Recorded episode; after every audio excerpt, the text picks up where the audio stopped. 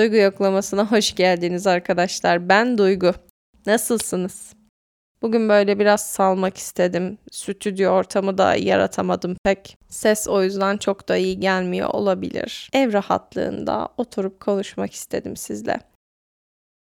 Bugünlerde çok fazla bölüm kaydediyorum çünkü konuşacak çok fazla şey var. Ama bir taraftan da her şeyi konuşmaya cesaretim yok. Bazı şeyleri fazlasıyla sansürleyerek konuşuyorum. Bugünkü bu konuşacağımız konu da fazlasıyla sansürlenecek en başından onu söyleyeyim. E tabi bir yerde özel konular ve bu konuda sanırım benim de sınırlarım var. Anlatacağım şeyler üçüncü şahıslarla alakalı olacağı için hali hazırda çeşitli sansürlemeler de devreye girecektir. Şöyle bir şey fark ettim. Buraya hayatımdan bir problem getirdiğimde o sorun çözülüyor. Gerçekten açılıyor ve çözülüyor. Mesela yetersizlik hissinden bahsettim, öz sabotajdan bahsettim, ne bileyim terk edilme korkusundan bahsettim. Bir sürü şey anlattım aslında ve farkında olmadan tabii ki burada konuştuğum için bir farkındalık kazanıyorum. Konular çözülüyor. Gerçekten hani yüzde yüz çözülüyor demesem de hayatımda o konularla ilgili açılmalar yaşıyorum. Bugün bu konuşacağım konuyla ilgili bir açılma yaşamayı da ümit ediyorum açıkçası. Onun ümidiyle artık bu konuyu konuşayım dedim. Bir yıldır ağzımı bıçak açmadı. E birazcık da açıkçası daha önemli dertlerim vardı. Konu buraya gelene kadar yani yapmam gereken daha önemli işler vardı. Bir de geçenlerde Instagram'da sordum. Ne tarz konularda podcast istersiniz diye. Çok fazla insan, çok fazla insan dediğim alt tarafı 6-7 kişi. Aşk acısı, aşk, love, sevilmek, sevmek, terk edilmek, eski sevgililer, vırt zırt bir sürü bu tarz konular saydı. Ve dedim ki okey zamanı geldi. Ben de zaten içten içe bunu istiyordum. Nasıl konuya gireceğimi, nasıl toparlayabileceğimi bilmiyorum. Yine her zaman olduğu gibi işin içine gireceğiz. Nasıl çıkacağız? Hiçbir fikrim yok ama kervan yolda düzülür. Bir kere beni tanıyanlar zaten bu konuyu çok iyi bilir. Ben aşk acısı konusunda, eski sevgilinin arkasından ağlama konusunda doktora yaptım. 4 sene. 4 sene doktora yaptım evet. Bu konuda gerçekten artık çok uzmanlaştım. Bugün size eski sevgilinin arkasından ağlamaya dair güzellemeler yapmayacağım hiçbir şekilde. Aksine artık bunun ne kadar bullshit bir şey olduğunu fark ettim. Bu farkındalıklar üzerine konuşacağım. Gerçekten böyle teker teker düşündüm. Neden bir insan bir insanın arkasından bu kadar ağlar ya diye. Hali hazırda 4 sene içerisinde bir sürü aydınlanma yaşadım bu konuda. E bir zahmet konuşayım artık. Hatta bu konu üzerine galiba bölümlerce konuşabilirim. Şimdilik bir başlayalım bakalım. Sonrasında devamı gelirse gelir. Konuşursak konuşuruz. Şimdi efendim ben 2016'dan beri ciddi bir ilişki yaşayamayan bir insanım. Bunun en büyük sebeplerinden birisi benim aslında 2016'da ayrıldığım sevgilimi bir türlü unutamamamdı. Yani 2016'da ayrıldığım sevgilimi bir türlü unutamadığım için ona takılı kaldığım için takıntılar geliştirdiğim için ben bir türlü hayatımda bir dikiş tutturamadım ilişkiler konusunda bir daha. Bu sebepten dolayı da aşksız kaldım, sevgisiz kaldım. Bundan dolayı zamanında çok yırtındım. Sonra yırtınmayı bıraktım. Aa ben yalnız mutluyum triplerine girmeye başladım. Hala da o triplerdeyim ama artık bir tık daha sağlıklı bir yerlerde olabildiğimi hissediyorum ama arada bana da geliyorlar tabii ki hala. Aslına bakarsanız bu konu benim hala aşabilmiş olduğum bir konu değil. Çünkü halının altından çok daha başka konular çıkıyor tabii ki her zaman olduğu gibi. Ee, bir insanla kurduğumuz ilişkide aslında kendi problemlerimizi de bütün çıplaklığıyla görebiliyoruz. Onunla yaşadığımız çatışmalar aslında kendi bağlanma stillerimizle, kendi ebeveynlerimizle olan ilişkilerimizle, kendi kendimizle olan ilişkimizle, geçmiş deneyimlerimizle, kişilik yapımızla o kadar çok alakalı ki oradan bir sürü şey çıkıyor gerçek anlamda. O yakın ilişkinin içerisinde çok fazla şey fark edebiliyorsun. Zaten çoğunlukla ilişkideki çatışmalar bu sebeple oluyor. E, hali hazırda 20 yaşındayken de bunun farkındalığına sahip değildim. Bir buçuk senelik ilişkimin içerisindeyken yaşadığım onlarca hatta yüzlerce sorun o kadar çok birikti ki sonuç ayrılığa geldi. Ama hali hazırda fırtınalı bir ilişkiydi. İşte tam böyle bilmiyorum o yaşların da verdiği bir ihtiras, böyle fırtına, entrika, tutku, işte o tarz şeyler birleşince böyle alevli aşklar ortaya çıkar. o alevli aşkın etkisiyle de tabii yani çok aşığım, maşığım kafalarına giriyorsun. Sonra ayrılınca da böyle dıt gibi kalıyorsun ortada. Ben tam olarak onu yaşadım aslında. Ya birazcık bu ilişki annemle babamın boşanmasına denk geldiği için çünkü annemle babam ben 20 yaşındayken boşandılar ve o zaman hayatımda o kişi vardı. E hali hazırda ben ona tutundum. Ona sardım. Ondan ayrılınca da gerçekten çok bocaladım bu sebepten dolayı. İşte arkasındaki sebeplerden birisi bu mesela. Yani bunu çok sağlıklı bir ayrılık olarak görmüyorum. Çünkü özellikle bu ayrılığın iki senesinde ben bu ayrılığı hiçbir şekilde kabullenemedim, kabullenmedim, kabullenmek istemedim. Bunu çok dürüstlükle söylüyorum. Böyle bu noktada bazı noktalar var gerçek anlamda beni çok tetikleyen, çok triggerlayan. Kendi kendimi triggerlamamak için gerçekten anlatmak istemiyorum. Yüzleşmek de istemiyorum. Bir de bilmiyorum yani o kadar çıplaklığıyla her şeyi ortaya düzmeye gerek yok ama gerçek anlamda o eski sevgilisini stalklayan, işte ne yapıyor diye sürekli gözetleyen, her köşeden sanki o çıkı verecekmiş gibi triplere giren böyle korkunç bir ruh halindeydim gerçek anlamda. Yani hali hazırda bozulmuş yerlerde sürünen mental sağlığıma bir de ayrılık acısı eşlik etti. Ama keşke diyorum gerçek anlamda bari o dönemlerde şiir falan yazabilseydim, hikaye yazabilseydim, ne bileyim şarkı falan yazabilseydim de bir işe yarasaydı o acılar diye. Yani bir şeyler yazmışım ama çok kötü, çok çöp. Öyle bir hissiyat oluşturuyor en azından şu anda bende. Yani bayağı bomboş geçirilmiş bir zaman olarak görüyorum şimdi dönüp baktığımda. Bana bir katkısı olmayan, sadece kendi kendimi aşağıya düşürdüğüm ve bir dolu playlist yapıp kendimi falçatayla kestiğim şarkılar gerçek anlamda. Yani o etkiyi yaratan şarkılar. Hedef alıp vursan da özenli sözlerinin oklarıyla süslemedim harflerini adının oluşturanların dışına. Böyle Yıldız Tilbe falan düşmeyin yani böyle şeylere. Şu çok önemli bir temaydı benim hayatımda o yıllarda işte bu bahsettiğim 2016-2017 yılları.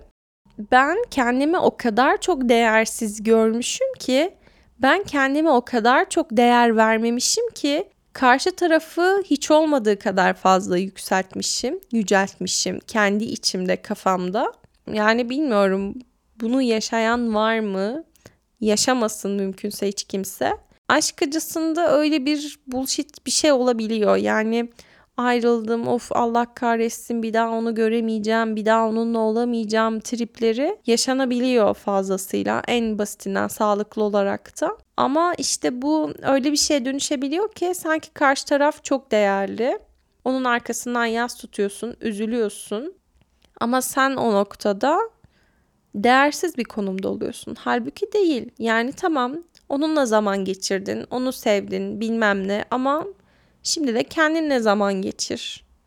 Şimdi artık o olmayabilir ama sen varsın. Biraz da tek başına tadını çıkar hayatına öyle değil mi tatlım? Diyebilmeli insan kendine her ne kadar diyemese de. Ama gerçek anlamda şu da çok okey bir şey. Biten bir ilişkinin arkasından üzülmek, onun için acı çekmek, yas tutmak belki. Ama o yasında işte evreleri var. O evreleri yaşamak gerekiyor galiba.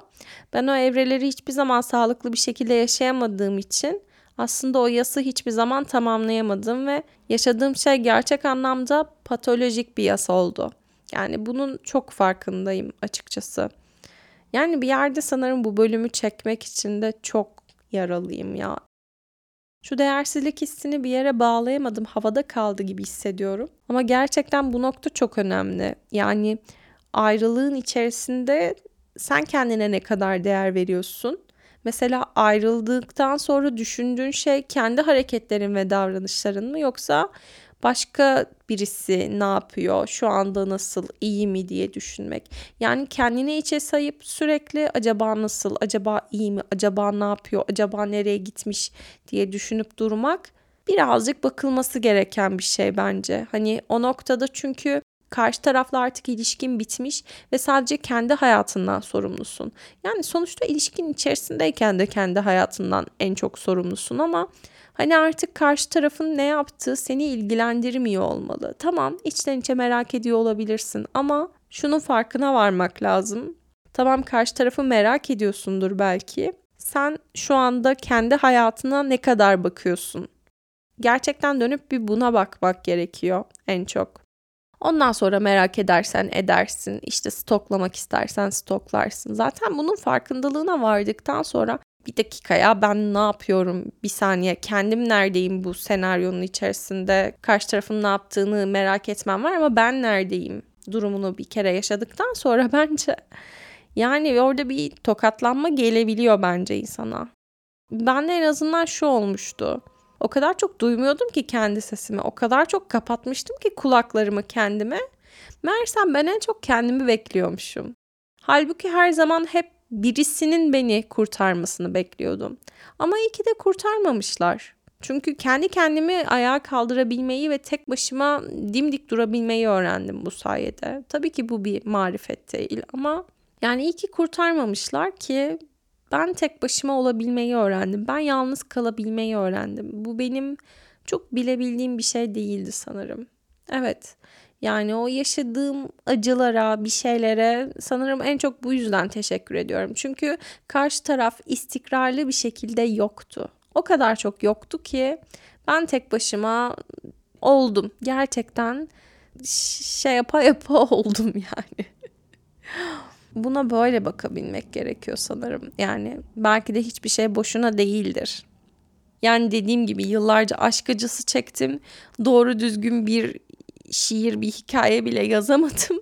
Yazdığım onlarca mektup var ama bir boka yaramayacaklar. Ee, bari bir insight olsun bana. İçgörü kazanayım. Artık çok çıkarcı, pragmatist yaklaşmaya başladım gerçekten her şeye. Bu da onlardan birisi. Bari içerik olsun. Tabii ki şaka bir yana hani tanıdığın insanlar da tabii ki kıymetli, güzel. Yani o yaşadığın güzel şeyleri de özlüyor olabilirsin gerçek anlamda. Ama şunu hatırlamak lazım. Senin ayrılmanın, o ilişkinin bitmesinin bir sebebi vardı. Tamam, karşı taraf hatalıdır ya da değildir. Sen hatalısındır ya da değilsindir. Bunu hiçbir şekilde bilemem. Bence ayrıldıktan sonra artık öyle hesapların da peşine düşmemek lazım diye düşünüyorum. Hani sen öyle yaptın ben böyle yaptım şöyle oldu böyle yani ne olduysa oldu bitmiş artık hani Nasıl bittiyse bitti ama bitti. Bırak artık yani move on değil mi? İrem yani. Hani nasıl bittiyse bitti artık onun bir hesaplaşması kalmamalı. Ya da ne bileyim illaki içimizde kızgınlıklar kalabiliyor. Yarım kalan şeyler kalabiliyor. Ya özellikle zaten o yarım kalma duygusu, o tamamlanamamışlık hali mahvediyor ya. Onun da verdiği bir şey var. Ama çok da artık sorgulamamak gerekiyor galiba bittikten sonra. İşte neden bitti? Ne oldu? Yani bitti artık. Hani onun peşine düşmenin çok anlamlı olduğunu düşünmüyorum artık. Hani ölüm gibi bir şey ama kimse ölmüyor. ya işte ne oldu ne bitti diye sorgulamak her şey bir kulp bulmakla alakalı ya. İşte içimizde onu aklamaya çalışıyoruz belki de. Ama bir taraftan şeye de kayabiliyor bu ki o çok zararlı, sakıncalı bir durum. Kurban psikolojisi. O bana bunu yaptı, şöyle oldu, ona çok kızgınım, onu hiç affetmeyeceğim vesaire vesaire. Buna ek olarak işte ben şöyle şeyler yaşadım, ben böyle şeyler yaşadım deyip bunların arkasına çok sığınmamalı galiba. Yani ideal olan bu. Ama tabii ki insan bunun içerisine fazlasıyla düşebiliyor. Ama bu bir kurban psikolojisi. Yani bu seni aslında pasifize eden bir şey ve bunun arkasına sığınıp aslında sana bir konfor alanı sağlayan bir şey bu. Yani birazcık bunun içerisinden çıkıp tamam okey bunlar başıma gelmiş olabilir. Böyle bir ilişki yaşamış olabilirim. Sonu hüsranla bitmiş olabilir. Bundan dolayı acı çekiyor olabilirim. Ama bunun bir adım ötesinde artık ne yapabilirim? Artık nasıl devam edebilirim hayatıma? Çünkü sonsuza kadar o sıkışmışlığın içinde kalamam. Yani ben çok denedim bu arada aşk acısının içerisinde sonsuza kadar yaşamayı. Çünkü gerçek anlamda sonsuza kadar acı çekebileceğimi zannediyordum ve hiçbir zaman bunun bitmeyeceğini düşünüyorum. Yani ciddi ciddi bu arada. Öyle günlerim oldu ki ciddi ciddi bunun hiçbir şekilde bitmeyeceğini zannediyordum ama o bile bitiyor ya. Acının bile bir noktadan sonra boku çıkıyor affedersiniz. Yani gerçek anlamda bir noktadan sonra daha fazla acı çekemiyorsun. Zaten hani şey derler ya çok klişe bir laf. Bir sene boyunca aynı acıyı çekersen kalbin dayanamaz, iflas eder, ölürsün. Kaynak götüm affedersiniz. Ama yani böyle bir şey var halk arasında dolaşan. Yani bence haklı bir bilgi. Gerçek anlamda hani acıya da bir noktadan sonra toleransımız gelişiyor. Yaşadığımız şeylere karşı da ve galiba aynı seyirde yaşayamıyorsun. Duygular da çünkü bir noktadan sonra değişiyor. Her ne kadar onların içerisinde çok fazla sıkışabilsen de sürekli aynı kalacakmış gibi hissettirseler de aynı kalamıyorlar. Evet galiba tamam üzülüyorum, iyi değilim, acı çekiyorum belki. Çok mutsuzum, yastayım. Ama kendime nasıl iyi davranabilirim mi demek lazım. Böyle bir yere bağladım bu konuyu da. Evet galiba kurban psikolojisine girmek yerine kendine nasıl yardım edebileceğini de düşünmen gerekiyor. Hani kendine yardım edemiyor bile olsan. Az önce tek başına ayağa kalkmak dedim. Tek başıma ayağa kalktım dedim ama yani bu noktada tabii ki yapayalnız değildim. Dostlarım çok yardımcı oldu bana. Yani yıllarca kahrımı çektiler bütün drama queenliklerimi dinlediler. Bu podcast'te anlattığım şeyleri onlara bütün çıplaklığıyla yüz kere anlattım. Şöyle oldu böyle oldu bana böyle yaptı. Bayağı kafalarını şişirdim. Yani onlara buradan çok teşekkür ediyorum. Terapim tabii ki terapistim, psikiyatristim.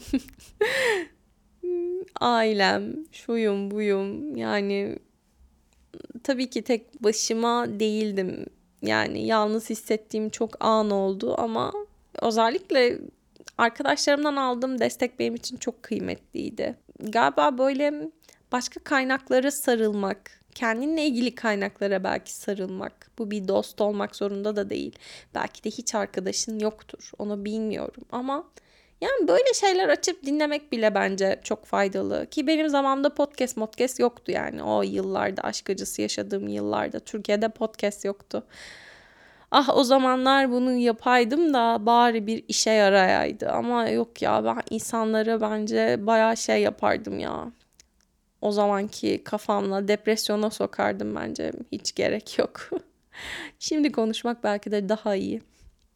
Yani işte hepsi aslında bir öğrenme o kurban psikolojisinden çıkıp kendime nasıl yardım edebilirimi bir saniyeliğine bile olsa düşünmek gerçekten önemli bir kazanım. Yani bunu yapabilmek çok kıymetli. Zaten birazcık daha işin o tarafına geçebildikten sonra artık bundan ne öğrenmişim, nasıl bir tecrübe kazanmışıma daha net bir şekilde bakabilmeye başlıyorsun. E çünkü bir noktada o ayrılığın içerisinde, o işte acının içerisinde sıkıştığın noktada bunları göremiyor oluyorsun. Acının kendisiyle çok fazla muhatap olduğun için. Acının etkisi de bir noktadan sonra azalabiliyor. Kendini görebilmeye başladıktan sonra. Ama işte şey çok önemli bence o noktada. Sen acının üzerine benzin mi döküyorsun? Biber gazı mı sıkıyorsun? Yoksa ne bileyim acıyı söndürmek için e, ona böyle tatlı müdahalelerde mi bulunuyorsun? Ne bileyim pansuman mı yapıyorsun? Ya da hiçbir şey yapmayıp bekliyor musun? O bile bence benzin dökmekten, biber gazı sıkmaktan daha iyidir diye düşünüyorum. İşte ben birazcık daha benzin döken taraflardaydım. Neler örnek olabilir buna? Israrla eski mesajlara bakmak, eski mutlu zamanları hatırlamak, sanki kötüleri hiç yaşanmamış gibi. Stalklamak, başlı başına. Karşındaki kişiyi yere göğe sığdıramayacak şekilde göklere çıkarmak kendini alçaltırcasına ki bunu benim kadar yapan gerçek yoktur diye düşünüyorum. Örnek veriyorum onun dışında acıklı şarkılar dinlemek, fotoğraflara bakmak ki bu da en bence yapılmaması gereken şeylerden birisi diye düşünüyorum. Çünkü bir yerde gözden ırak olan gönülden de ırak olur be kardeşim. Sen onun yüzünü görmezsen bir süre sonra unutmaya başlarsın. Ha tabii benim gibi böyle zırt pırt bir yerlerde karşılaşmıyorsan belirli bir zaman içerisinde hani çok çok daha işin kolay. Ben okulda görüp duruyordum. Hani en azından belli bir yıla kadar, mezun olana kadar. Bu benim için birazcık rahatsız ediciydi. Aslında bir taraftan da hoşuma giden bir şeydi. İşte karmaşık işler. Peki neler sana pansuman yapabilir? Birazcık da bunun hakkında düşünmek istiyorum. Mesela ben o dönem çok fazla kitap okuyordum ve özellikle kendime yardım edebileceğim kitaplar okuyordum. Ama ben gerçek anlamda aşk ve sevmek üzerine de çok fazla kitap okudum o dönemler. Bağlanma teorileri üzerine çok fazla kitap okudum ve kafa yordum. Mesela bunlar hakkında düşünmek kendimi de çözümlememe çok yardımcı oluyordu. Bu yüzden bu tarz kitaplar okuyordum. Ama tabii ki sizin ilginizi başka tarz kitaplarda çekiyor olabilir. Ben birazcık daha içinde bulunduğum durumu anlamak üzerine kitaplar okumak istediğim için kütüphaneden zibilyon tane kitap olup okuyordum hepsini bitiremiyordum. Genellikle bölük pörçük okuyordum ama bu tarz kitaplar okumak bana çok yardımcı oldu. Özellikle o zaman okuduğum kitaplardan birisi çok seven kadınlar üzerineydi. Çok seven kadınların aslında neden böyle şeyler yaptığını anlatan bir kitap okumuştum ve aslında kendi ailelerindeki eksik pozisyonları doldurmak için her zaman ailelerine karşı bir onları bir memnun etme, tatmin etme çabası içerisinde yaşayan kadınların büyüdüklerinde çok sevme hastalığına, tırnak içinde hastalık diyorum, yakalandığından bahsediyordu kitap.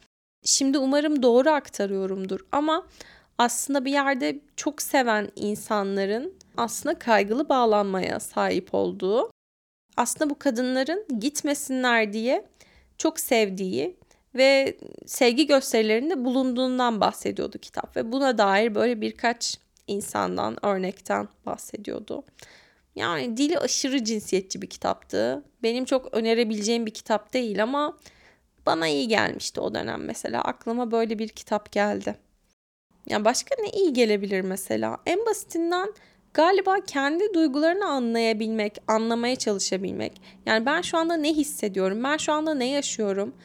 Sonrasında ben bunu neden yaşıyorum? Ben bunu niçin yaşıyor olabilirim? Sorular da hep birbirinin aynısı. En sonraki aşamasında da benim neye ihtiyacım var? Tamam böyle bir duygum var ama karşılanmamış hangi ihtiyacımdan ortaya çıkıyor ve ben nasıl bu ihtiyacımı karşılayabilirim? Çünkü dedim ya bu artık sadece seninle ilgili bir süreç. Karşı tarafı defet yani. Sen ne hissediyorsun? Senin neye ihtiyacın var? Sen kendi sürecindesin. Başka insanlar başka süreçlerinde. O nedenle kendi ayrılık sürecini yaşadığın için sadece kendi isteklerine ve ihtiyaçlarına odaklanman lazım. Sadece kendi duygularına bakabilmen lazım. İstersen karşı taraf yani sana hala deli divane aşık olsun. Bu seni ilgilendirmez. Sen kendi duygularından sorumlusun diye bir yorum getirdim.